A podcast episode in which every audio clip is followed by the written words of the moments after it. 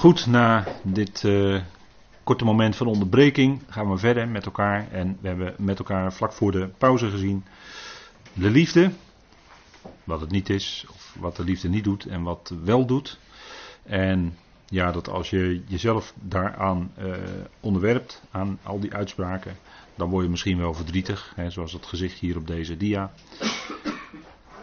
Maar ik denk dat het toch even goed moeten stellen dat God liefde is. En als je daarnaar kijkt, of de Heer, hè, Christus, is liefde.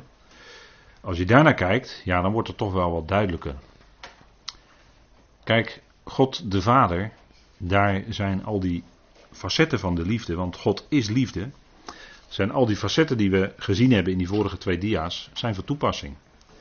En die verheugt zich natuurlijk met de waarheid. Als de waarheid naar voren komt en uitgedragen wordt, aan het licht komt, dan brengt dat vreugde teweeg. En dat is die vreugde eigenlijk die van God uitgaat. En die bij mensen binnenkomt en mensen blij maakt. Hè? Verheugt zich met de waarheid en gelooft alle dingen. Hè, dat is al wat gesproken is, al wat gezegd is in Gods woord. Ja, daar kun je vol je vertrouwen opstellen. Hè, want geloven is vertrouwen en vertrouwen is geloven gelooft alle dingen. God hè, uh, van Israël wordt bijvoorbeeld, uh, zegt Paulus in uh, Romeinen 3, zal hun ontrouw of hun ongeloof, mag je allebei vertalen, de trouw of het geloof van God te niet doen. En dan zegt Paulus volstrekt niet. Want God heeft beloofd. En om het zo maar te zeggen, hij gelooft in zijn eigen uitspraken. En die zal hij ook vervullen. Dat zal hij ook doen.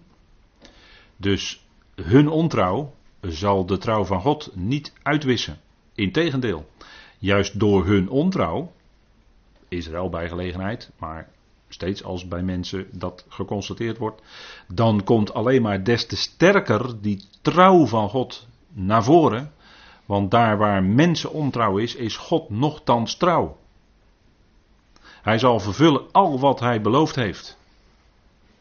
En dat is het geweldige waarop we ons vol vertrouwen in kunnen rusten, in zijn trouw. God maakt zijn belofte waar, want hij is trouw. dat is een geweldig woord. God is trouw en hij zal het niet boven uw lippen laten komen. 1 Korinthe 10, die bekende tekst, maar daar staat heel nadrukkelijk: God is trouw. Hij draagt je. Hij zal niet laten varen wat zijn hand begon. Zegt de psalmist. Hè? Hij laat niet los wat zijn hand begon. Hij zal afmaken waar hij aan begonnen is. In uw leven, in mijn leven, in de hele gemeente. Door Christus heen, met Israël, met de volkeren. Hij maakt af waar hij aan begon. Hij zal zijn plan afmaken. Dat is gegarandeerd. Waarom? Omdat God trouw is. En dan, ben je met, op, dan, dan spreken we ineens op een heel ander niveau. Hè? Kijk, op dat menselijke niveau dan constateer je heel verdrietig dat mensen dit kunnen zijn en dat kunnen zijn en zus kunnen doen en zo kunnen praten en zo kunnen, noem maar op. Maar als we over God gaan spreken, ja, wacht even, kijk, God is trouw.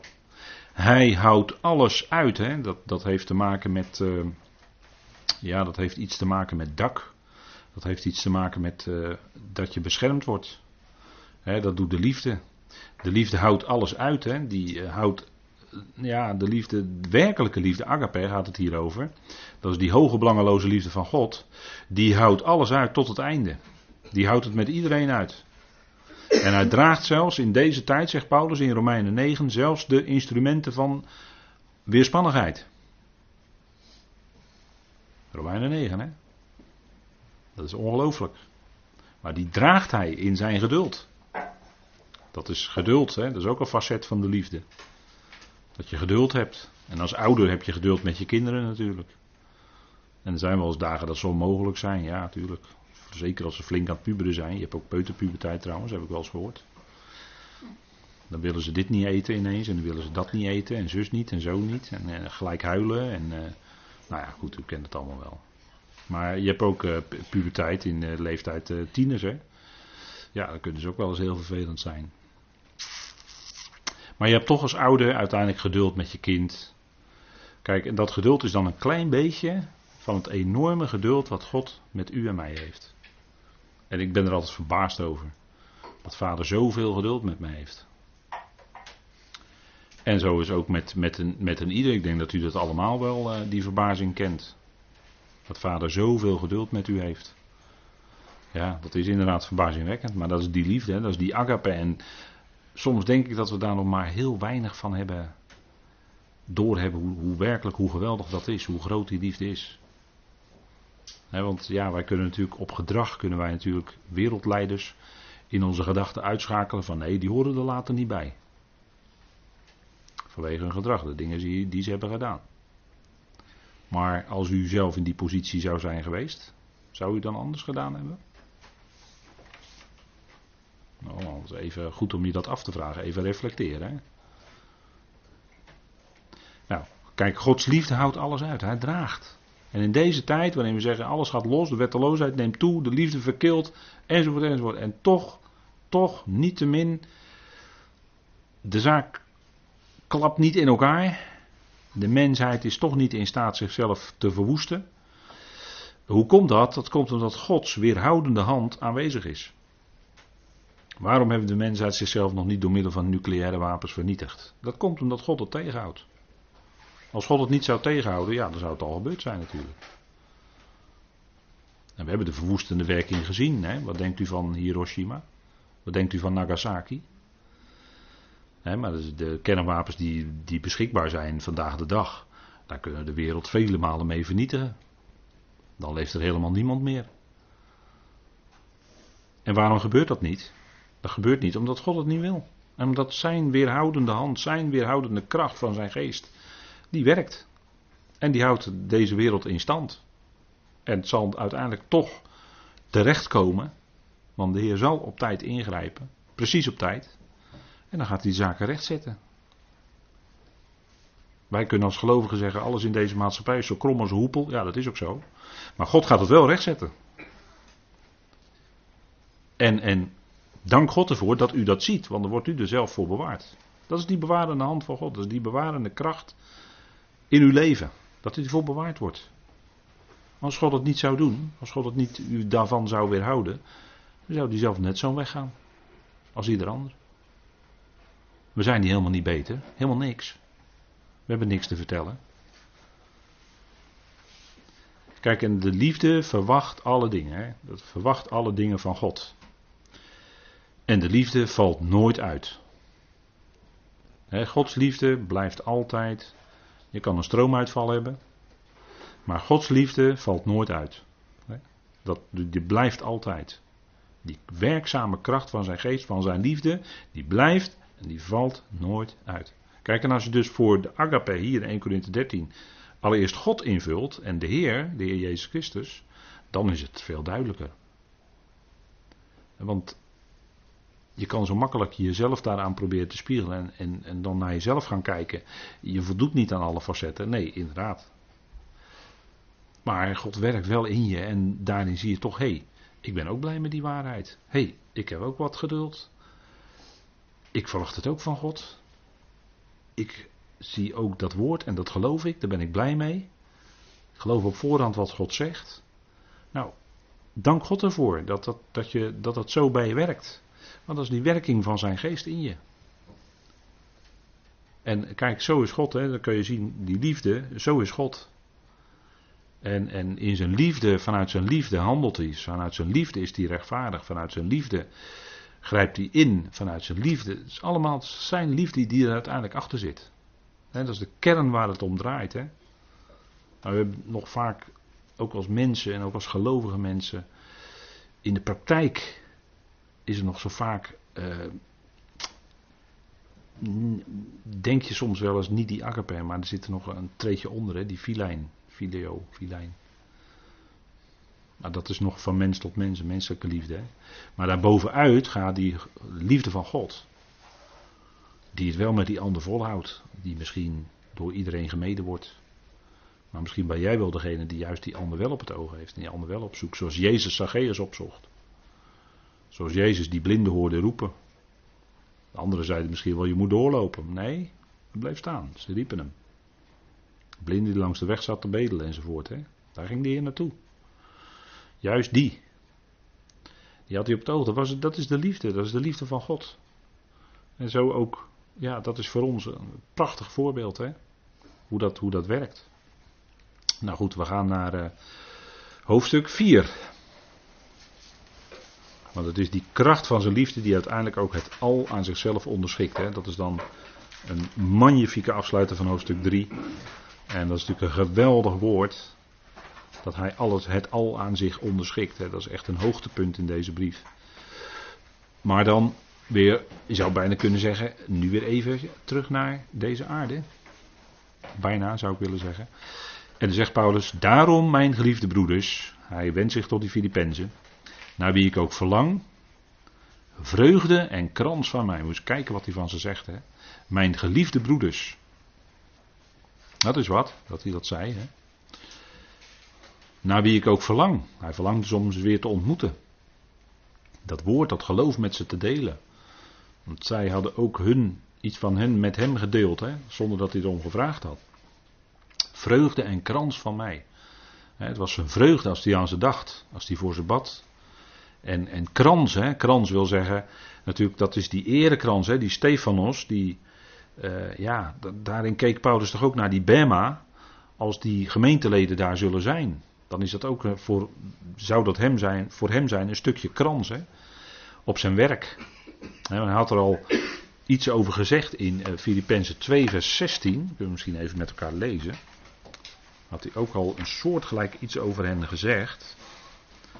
En dan zie je toch hier die bijzondere band tussen de Filippenzen en Paulus. Zij waren blij met het woord, zij waren blij met deze apostel. Dat eh, kon je niet van alle Corinthiërs zeggen, maar wel van de Filippenzen voor het overgrote deel. En andersom ook. Hij was met ze bezig, hij bad voor ze, hij had ze lief. En dan zegt hij ook, waaronder jullie schijnen, Filippenzen 2 vers 15, waaronder jullie schijnen als lichtbronnen in de wereld.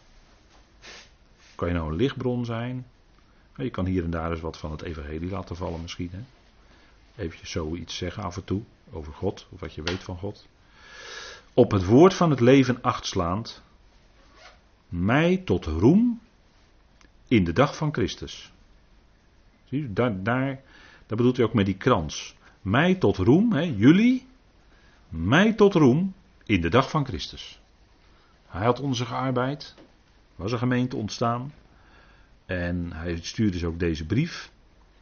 En dan zegt hij ook: Jullie zijn mij tot roem in de dag van Christus. Nou, de dag van Christus hebben we natuurlijk gezien. Dat is onder andere die Bema. Hè? Dat begint met de Bema. En dan zegt hij dat ik niet te vergeefs liep, nog mij te vergeefs inspande. Zo sprak hij over hen. Hè? En ja, daarin zie je die liefde van God die in Paulus naar die Filippenzen toe werkte. Mijn geliefde broeders. dat, in dat geliefde zit ook weer dat woord agape natuurlijk, waar we wat langer bij stil hebben gestaan. En het waren echt zijn broeders. Ze geloofden dat evangelie. Ze stonden in dat evangelie, dienden in dat evangelie. En ja, dat was heel fijn dat hij dat kon constateren. En hij verlangde naar ze. Om ze weer te ontmoeten. Niet of dat nou wel of niet lukte. Maar hij had in ieder geval dat verlangen. Zoals hij ook naar Rome verlangde om daar de gelovigen te ontmoeten. Zo verlangt hij ook om die Filippenzen te zien. Hè? En dat, ja, dat heb je ook als gelovige. Dan verlang je elkaar om elkaar weer te zien. Elkaar te ontmoeten rondom het woord. Met, met die genade en Gods woord centraal. Dan heb je ook vreugde. Want vreugde is gara in het Grieks, dat weet u. En daarin zit heel dicht tegenaan dat woord genade. Genade is iets dat je vreugde brengt. Want genade is altijd iets ontvangen wat je niet verdient. En genade is altijd meer dan je denkt. Genade is altijd groter dan je denkt. Genade is ook die kracht in je leven die, die werkzaam was, zoals bij Paulus ook. Dat hij dat werk kon doen, die opstandingskracht ontving van de Heer om het te doen, dat is ook genade. Hij was het niet zelf, maar de genade van God die met hem was, die werkte. En, en die krans, hè, dat hij dan zou, dat zou mogen zien als een krans bij die Bema, dan is dat ook genade. Dat zag hij natuurlijk ook als genade. Maar hij was ingeschakeld als instrumentje om die Filippenzen te mogen bereiken. En dus, dat zag hij ook als genade. En dat is voor ons eh, in feite alles. Hè? En, en dat is moeilijk voor de oude mens, want de oude mens wil graag eigen prestaties nog in rekening brengen. Maar dat gaat niet. We zijn tot rust gekomen van eigen werk. En we zijn bezig, we zijn wel betrokken in zijn werk, dat is heel wat anders. En dat is die genade, waarin we met elkaar ons, waarover we ons met elkaar elke keer weer verheugen. dat we elkaar blij zijn om elkaar te ontmoeten. En natuurlijk, de een, er is wel eens wat tussen gelovigen, zou ik maar heel voorzichtig zeggen. Er is wel eens wat tussen gelovigen, maar dan toch ga je met elkaar door. Wat is dat? Dat is die genade, dat je elkaar genade schenkt. En dat je elkaar weer ontmoet. En dan is er gewoon niks tussen. Er zit er gewoon niks tussen. Dat is genade. Dat is die liefde van God die dan functioneert. En, en dan fouten in het verleden, ja, daar kun je toch niet elkaar oneindig op blijven afrekenen. We zouden elkaar toch genade schenken. Zoals God ons genade schenkt. We kijken toch omhoog. Dat is altijd veel beter hoor, omhoog kijken. In plaats van naar jezelf kijken of naar die ander. Dat leidt maar af. En dan zie je van alles. Ja, je ziet van alles, ja. Maar ja, over elkaar praten, ja, dat hebben we vaker natuurlijk al gezegd in de loop van de jaren. Eh, zou je niet eerst eens voor die ander bidden? Voordat je over die ander praat met een ander. Misschien beter om eerst met hem, met een hoofdletter, erover te praten, over die ander, voordat je als gelovige onderling over die ander gaat zitten praten. Misschien is dat wel beter. Kan zomaar misschien advies zijn. Heel voorzichtig. Want het punt is natuurlijk dat we hebben geleerd bij gebed. Dat gebed niet God verandert. En niet die ander verandert, maar gebed verandert de bidder. Hè? daar zit natuurlijk een geheim in. Gebed verandert de bidder. Want jij bent misschien van mening dat die ander moet veranderen. Of dat die ander eerst excuses moet aanbieden. Of genade moet schenken. Of wat dan ook. Maar kijk, gebed verandert jou. Gebed verandert de bidden. en, en ja, gebedsproblemen. Ja, wat ook wel gezegd is, maar dat, ja, over gebed valt natuurlijk heel veel te zeggen. En daar komen we natuurlijk op in het hoofdstuk 4, wees er niets bezorgd. Dat is ook zo'n merkwaardige uitspraak, vers 6. Wees er niets bezorgd, maar laat alles met gebed en smeking, met dankzegging, met dankzegging bekend worden bij God. En het kan best zijn dat jij, die zoveel hebt aan te merken op die ander, als je nou eerst de schot gaat danken voor die ander, dat die ander jouw broeder of zuster is. Als je dat nou eens eerst doet. Dan gaat er misschien in je hart iets veranderen in je houding naar die ander toe. Zou zomaar kunnen. En ja, wat gebed, hè, want gebed is natuurlijk iets wat ook voortdurend onder druk staat, zo onderdeel van de wapenrusting. Gebed doodt de zonde. En andersom, dat is verdrietig hoor, de zonde doodt het gebed. waar je mee zit, het kan best zijn dat je met zaken worstelt. Ga ermee naar God in gebed. En ga dan ontdekken dat gebed de zonde doodt. En dat, is, dat, dat zijn, denk ik, zaken die van belang zijn, die wezenlijk zijn. Voor ons als gelovigen. God is een God die graag met ons in contact wil staan. En in een contact met God, dan kun je alles tegen hem zeggen. Bij hem is het vertrouwd. Hij brieft dat niet door aan een ander. Maar je kunt het bij hem brengen en bij hem laten.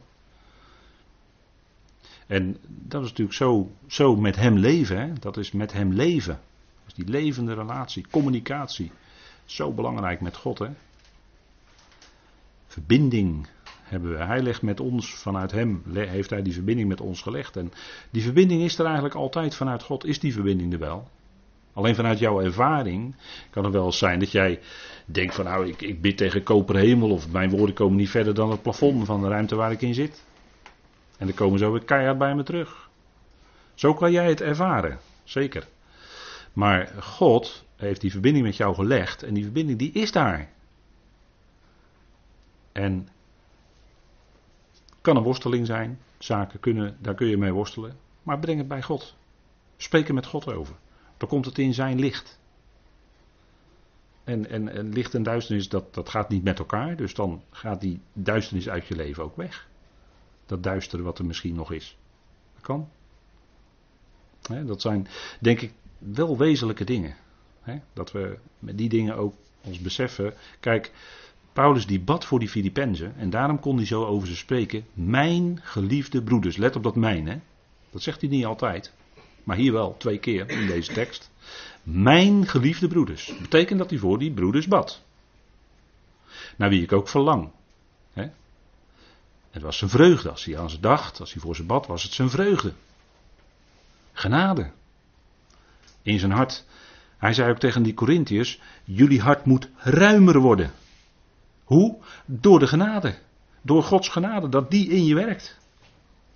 En dan is het ook geen moeten meer, maar dan is het vreugde om elkaar te ontmoeten. En erekrans, hè? Stefanos, erekrans van mij. Zo, zacht, zo keek hij naar die Filippenzen. En als apostel zag hij natuurlijk best wel dat er hier en daar moest hij ook wel wat opmerkingen maken. Maar daarachter werd hij gedreven door die geweldige liefde van God. Nou, dat, is, dat belangrijk. En, en Paulus heeft geleden hoor. Paulus heeft geleden. Er, zijn zo een uh, serie teksten te noemen waar het duidelijk blijkt hoeveel hij geleden heeft. Het was geen makkelijke weg die hij ging. En toch in dat lijden, in die verdrukking, kende hij deze vreugde. Genade. Dat bracht hem altijd weer verder. Dat besef van, het hangt niet van mij af, maar het hangt van vader af. Nou, dat is geweldig, hè? En dan zegt hij tegen die Filippenzen, staat zo vast. En dat klinkt echt niet als een bevel. Dat klinkt echt zo niet hoor. Het klinkt als een liefde aanwijzing.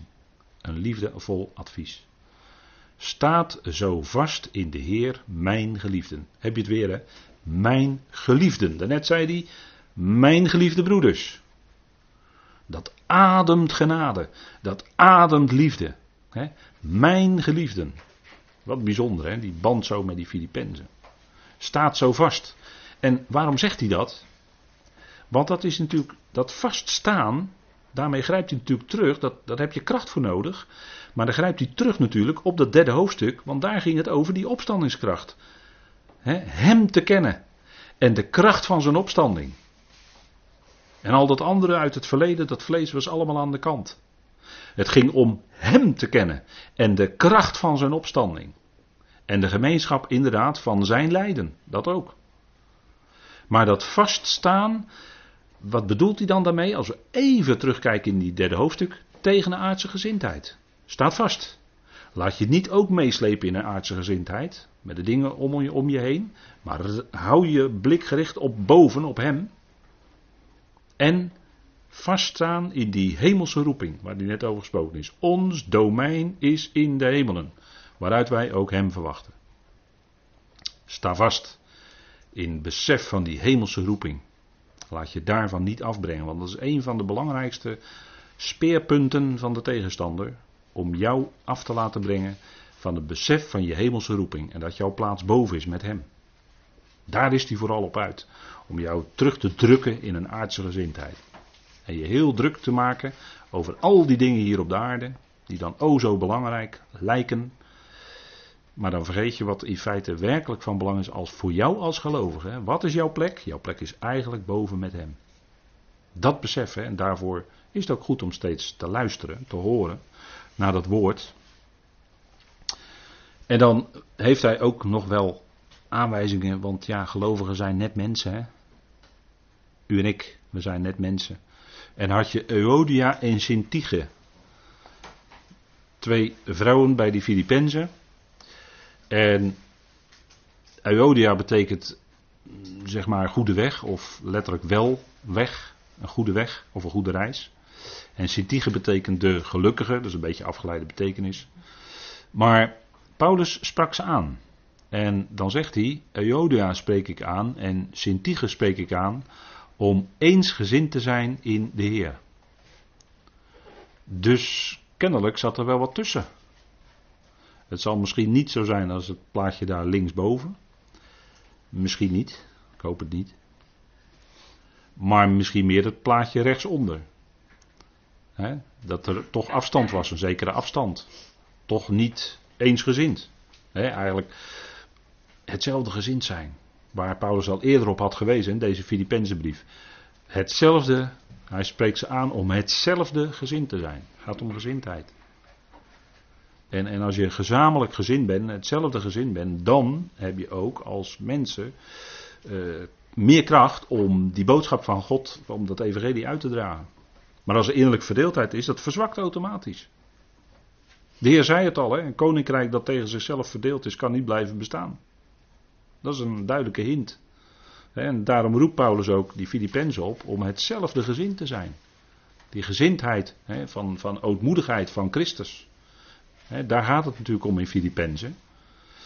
En er was oneenigheid, er was verwijdering, er was uh, ja, misschien wel groepjes ook, een klein beetje. Misschien waren het wel uh, mensen die ook wat mensen met zich meetrokken op een of andere manier.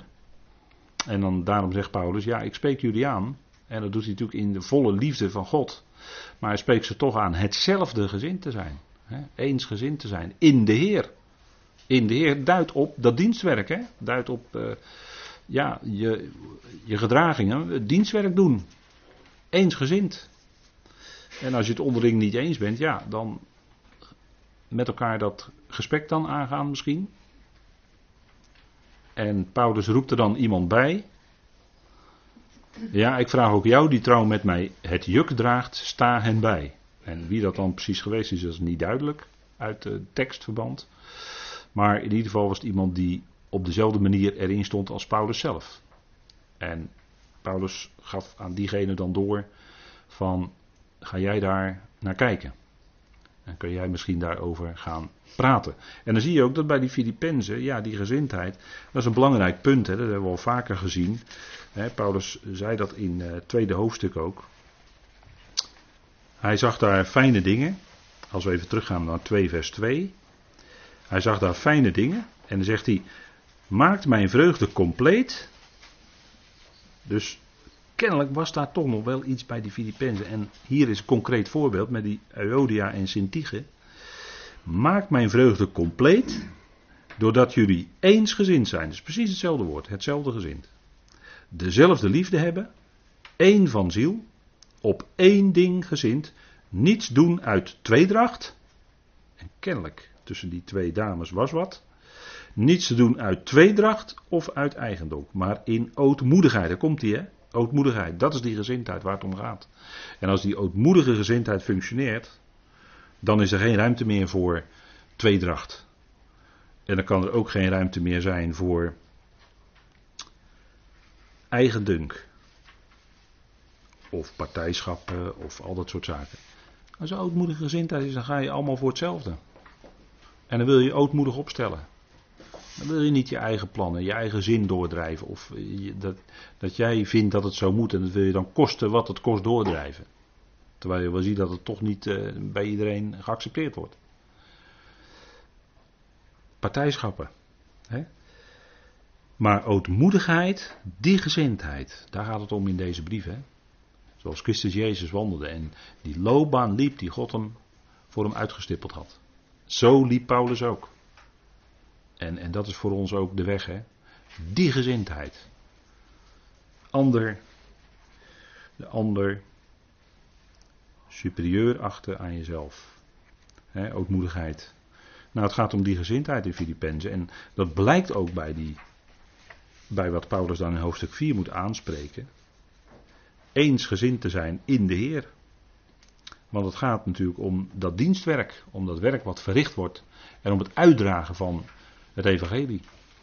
Want dat werd kennelijk ook daardoor beïnvloed. En dat is natuurlijk altijd als twee mensen binnen een gemeente uh, ja, wat, wat sterk zijn en tegenover elkaar staan, dan heeft dat zo zijn uitwerking. En dat is vervelend voor de hele gemeente dan.